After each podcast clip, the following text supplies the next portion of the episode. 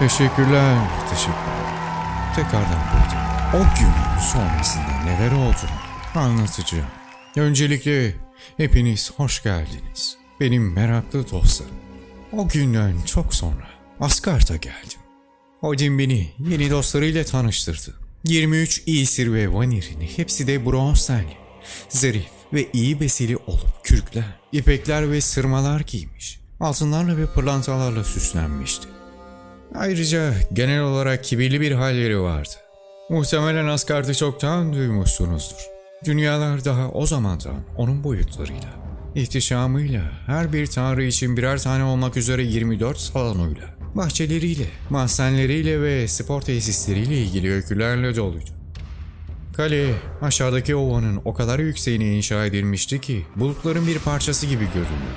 Gün ışığını ve gök kuşaklarına ev sahipliği yapıyordu. İçeri ancak onu orta dünyalara bağlayan gökkuşağı köprüsünden girilebiliyordu. En azından öyküler böyleydi. Ve evet, sahiden de etkileyici bir yerdi. Fakat o günlerde daha küçük olup konumu sayesinde güvenliydi. Tahta direklerden bir surla çevrili ahşap binalar öbeğinden fazlası değildi. Zamanla büyüdü. Ama o zamanlar hala kuşatma altındaki bir öncü kalesine benzerdi ki tamı tamına öyleydi. Odin'in salonunda toplandık. Büyükçe, sıcak, kubbeli mekanda 23 koldu. Yiyecek, içeceklerle donatılmış uzun bir masa ve en başta da Odin'in varaklı tahtı vardı. Benim dışımda herkese bir koltuk ayrılmıştı. İçerisi leş gibi cuma. Bira ve ter kokuyordu. Hiç kimse bana içki teklif etmedi. Etrafımdaki ilgisiz suratlara bakarak aklımdan şunu geçirdi. Bu kulüp yeni üyeler almıyor. Bu Loki. diye buyurdu yaşlı adam. Aileden biri olacak. O yüzden gelin hep beraber ona kucak açalım ve talihsiz soyundan dolayı ona ilişmeyelim. Ne talihsiz soyu. Dedi Vanir'in lideri Frey. Onlara hafifçe el salladım ve kaostan geldiğimi söyledim. Bir saniye sonra yerde sırt üstü yatıyordum ve iki düzine kılıç sağlam kalmalarını yeğlediğim kısımlarımı dürtüyordu. Oh! Yeni edinilmiş. Diğer fiziksel duyumlarımın aksine acı zaman geçtikçe daha eğlenceli bir hal almıyordu. Bunun bir tür kabul töreni. Daha ziyade bir oyun olma ihtimalini göz önünde bulundururdu. Sonra yeniden o suratlara, kısık gözleri, açığa çıkmış dişlere baktım. Hiç şüphe yok. Dedim kendi kendime. Bu alçaklar benden hiç hoşlanmıyorlar. Asgard'a bir iblis getirdin. Öyle mi Odin? Dedi generalin savaş reisi Tyr. Aklını mı kaçırdın? O bir casus. Muhtemelen bir suikastçıdır da. Bu küçük sıçanın gırtlağını keselim gitsin. Odin adama yatıştırıcı bir bakış at. Onu serbest bırak yüzbaşı.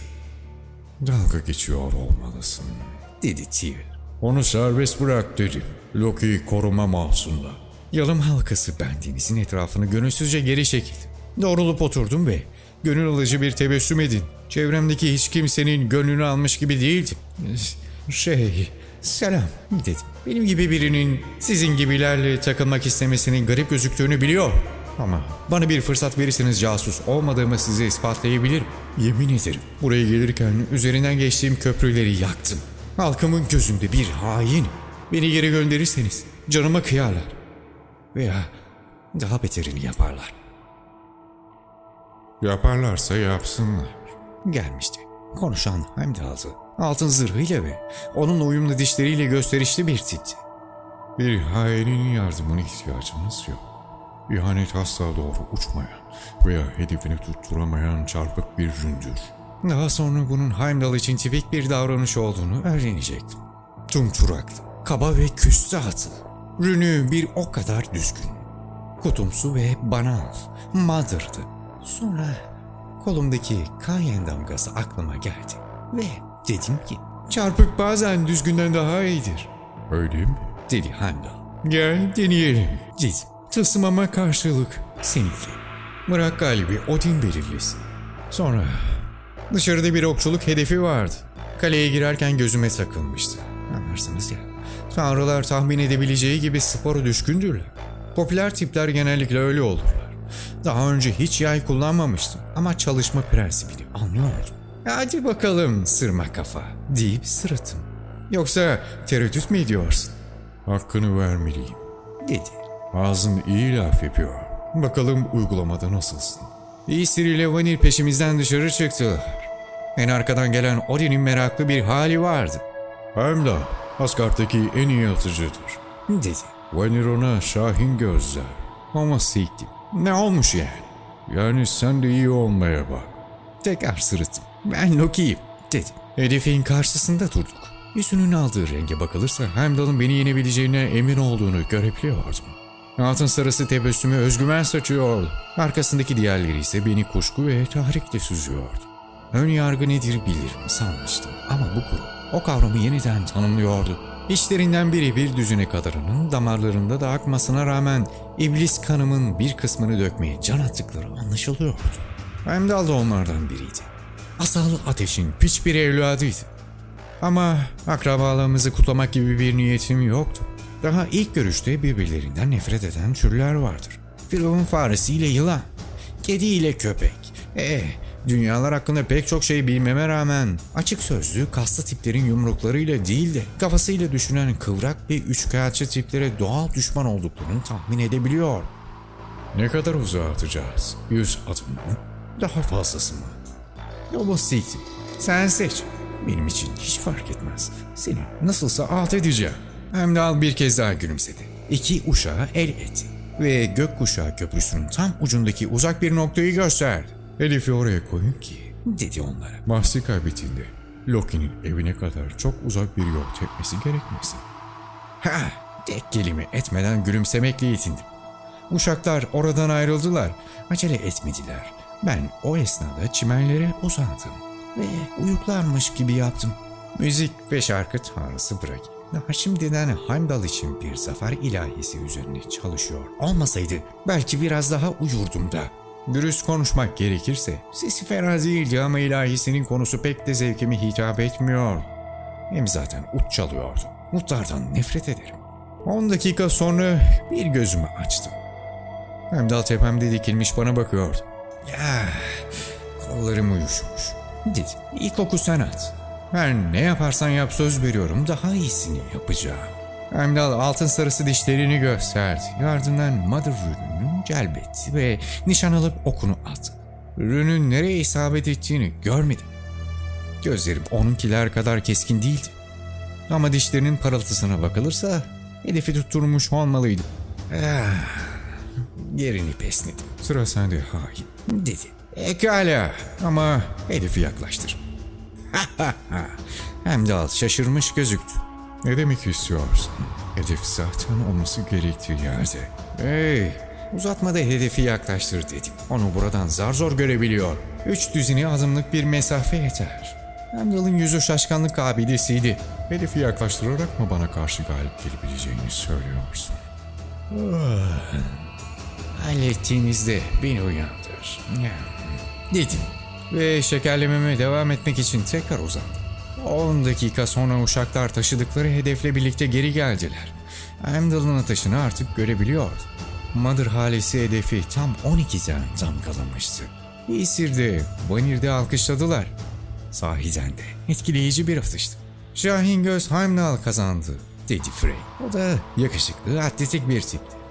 Ötekiler onunla hemfikir olma eğilimindeydiler. Sanırım Frey diğer tanrıların ona karşı çıkmayacakları kadar popülerdi.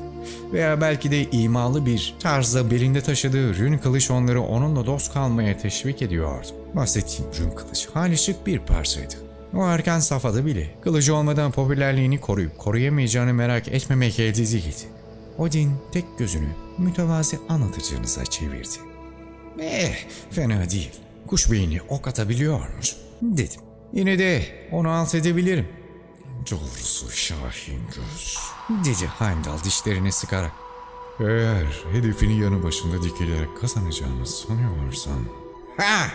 Şimdi onu ters çevireceğiz, dedim. Heimdall bir kez daha şaşırdı. Ama o zaman Evet, e, doğru, dedim. Heimdall iki uşağı el etti. Adamlar 12'nin arkaya bakacağı şekilde hedefi itaatkarca ters çevirdiler. Hmm, hedefi 12'den vurmayı bir de şimdi dene, dedi. Heimdall dudak büktü. mümkün değil. Yani yapamayacağını söylüyorsun? Kimse yapamaz. Sırıtarak Kain rününü celbetti. Ateşli, tez, biçim değiştiren akıllı ve çarpık bir üründü. Ve onu Heimdall'ın yaptığı gibi dost doğru hedefe atmaktansa yanlamasını fırlattım. Rün havada geniş bir yay çizerek geri geldi. Sonra da 12'yi arkadan vurarak Mother'ı menekşe rengi bir ışık patlamasıyla yok etti. Ateşim sıra dışı ama isabetliydi. Yaşlı adama baktım. Odin güldü. İmkansız bir ateş. Yine de Loki kazandı. Diğer tanrılar çeşitli nezaket derecelerinde bunu kabullenmek zorunda kaldılar. Odin sırtımı sıvazladı. Thor da aynını yaptı. Hatta beni yere devirmesine ramak kaldı. Salonda biri bir kadeh şarap koydu ve ilk yudumda bunun cismani suretimi zahmete değer kılacak az sayıdaki şeylerden biri olduğunu anladım. Fakat Heimdall sessiz kaldı. O salondan ağır hemoroid geçiren birinin vakur yürüyüşüyle ayrılırken bir düşman edindiğini anladım. Bazıları yenilgiye güler geçerdi ama Heimdall onlardan biri değildi. O günden başlayarak dünyaların sonuna kadar hiçbir şey ona ilk utancını unutturmayacaktı. Hoş, onunla dostluk kurmak gibi bir isteğim falan yoktu. Dostluk kavramı çok abartılıdır. Su götürmez, husumetlere sahip olabilecekken dostlara kim ihtiyaç duyar ki? Bir düşmanla aranın nasıl olduğunu bilirsin. Sana ihanet etmeyeceğini de. Asıl sakınman gereken dostun olduğunu öne sürenlerdir. Yine de bu henüz öğrenmediğim bir dersti. O zamanlar hala umutluydum. Zamanla kendimi bir şekilde ispatlayabileceğimi. Günün birinde beni aralarına alacaklarını umuyordum. Bir zamanlar böylesine masum olduğumu inanmak bazen çok zor. Fakat kendisini sahiplenen insanlar tarafından bütün gün köpek kulübesinin zincirleneceğini ve odun talaşlarından başka bir şey yedirilmeyeceğini henüz bilmeyen bir köpek yavrusu gibiydim. Tecrübelerime dayanarak öyle bir ders öğrenmenin biraz zaman aldığını söyleyebilirim. Bu nedenle şimdilik şunu aklınızda bulundurun. Bir dosta asla güvenmeyin.